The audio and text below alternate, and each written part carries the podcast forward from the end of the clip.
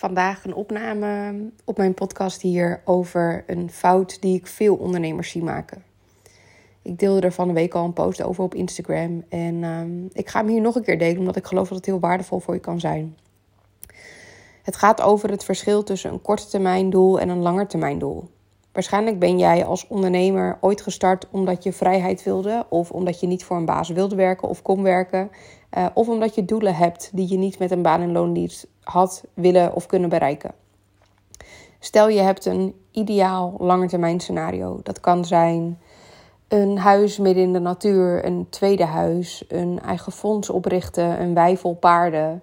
Um, van alles willen betalen voor je kinderen voor in de toekomst. En dat langetermijndoel wat jij hebt, daar hang je een omzetdoel aan. En dat omzetdoel laten we voor het gemak even 250.000 k nemen of 250.000 euro nemen per jaar. Dat heb je ergens opgeschreven en je bent plannen gaan maken.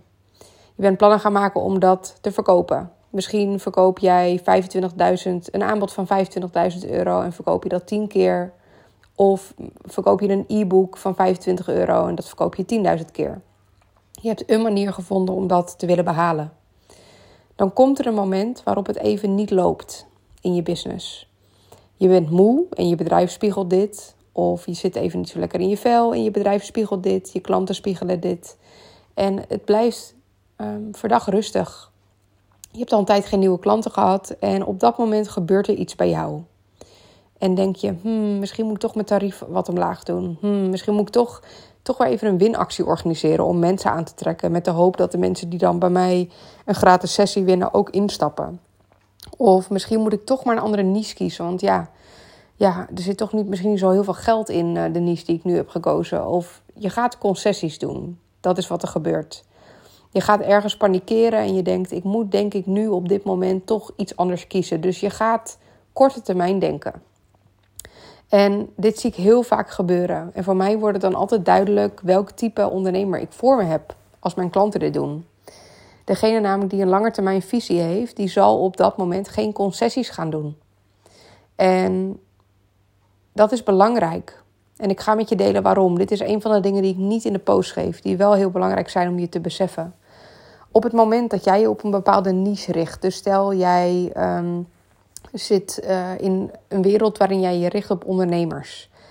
En je hebt heel specifiek gekozen voor een bepaald type ondernemer met een bepaalde mindset of een bepaalde branche.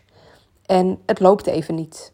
Op het moment dat jij dan gaat kiezen om bijvoorbeeld ineens losse sessies aan te bieden voor niet-ondernemers, dus particulieren die ook bij jou een coachsessie kunnen volgen voor een los bedrag in plaats van voor een trajectprijs, dan geef je een ontzettend wisselend signaal af op je platform.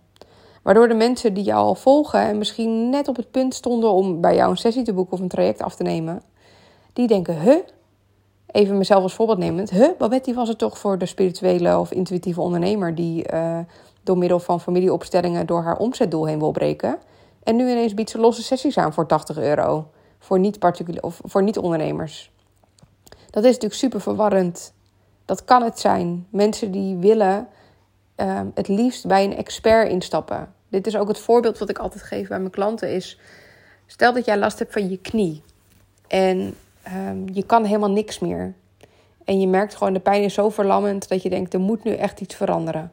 Dat is vaak waarom mensen bij jou komen, omdat ze een pijn ervaren. Zou je dan gaan naar een algemene fysiotherapeut? Als je ook kon kiezen voor een kniespecialist die gelijk bekend is met jouw klacht. Waarvan je gelijk weet, oh ja, daar schrijft hij vaak over, daar deelt hij vaak over, daar, uh, daar heeft hij of zij echt ervaring mee. Ik zou kiezen voor een kniespecialist. En heel veel mensen doen dit.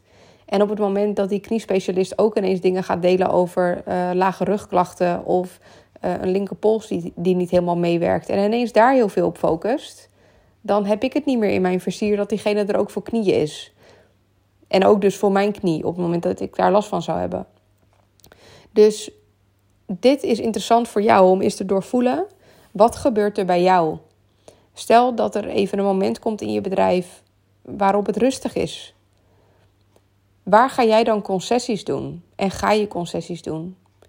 Want op het moment dat je dit inzichtelijk hebt, dan kun je er een bewuste keuze in maken. Heel vaak zijn we ons er namelijk niet bewust van, omdat we panikeren over iets wat korte termijn is dit gaat al lang niet meer over dat je bedrijf even niet zo goed loopt. Dit gaat over de angsten die jij hebt als mens.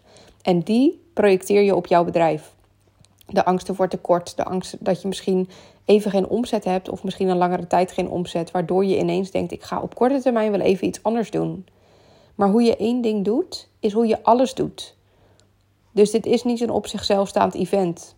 Hoe zou het voor je zijn als je in plaats van die concessies doen en er ineens zijn voor mensen die je eigenlijk helemaal niet meer wil bedienen? Want het zijn vaak oud-klanten die je dan ineens weer gaat toelaten of mensen die helemaal niet passen bij jou, waar je helemaal niet gelukkig van wordt.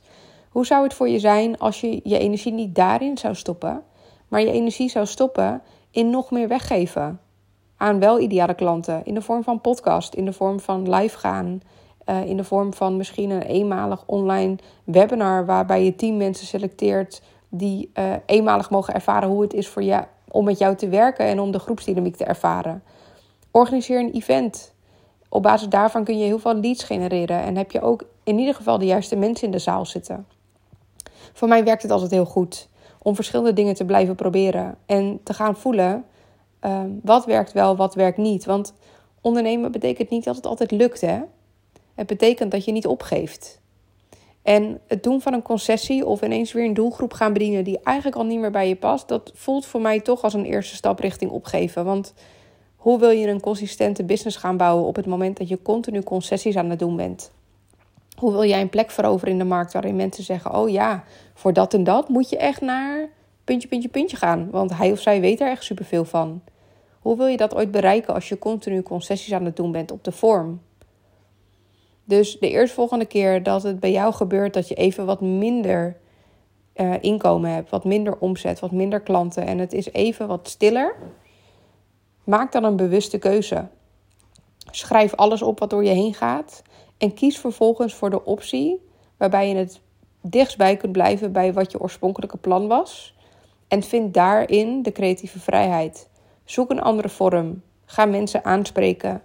Um, ik weet zeker dat er een nieuw creatief idee kan ontstaan. Dit is wat er gebeurt bij mijn klanten. Als zij bij mij in traject zitten, dan gaat het soms heel goed met hun omzet en soms helemaal niet. En dat mag er allebei zijn. En juist het moment dat het even niet goed gaat en ze zitten onder mijn vleugels, is een super mooi moment om dus bewust te worden op het feit hoe je met dingen omgaat. En welke keuzes je maakt. En mijn ervaring is dan juist als zo'n moment komt en juist als ze uh, bereid zijn, want daar gaat het echt over, bereid zijn om zich open te stellen voor een onzekere tijd waarin even niks um, gaat zoals ze het liefste willen dat het zou gaan.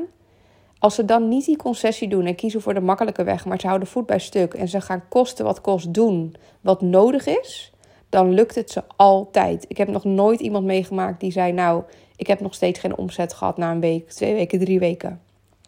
Het nodig je namelijk echt uit om anders te gaan denken, om anders te gaan kijken. En soms is het gewoon een kwestie van consistent blijven. Want je hebt geen idee hoeveel mensen er naar jouw post uh, kijken of je podcast luisteren die net op het moment staan om in te stappen. Dat weet je gewoon niet. Het kan zomaar around the corner zijn en dat is heel vaak het geval. Dus blijf volhouden.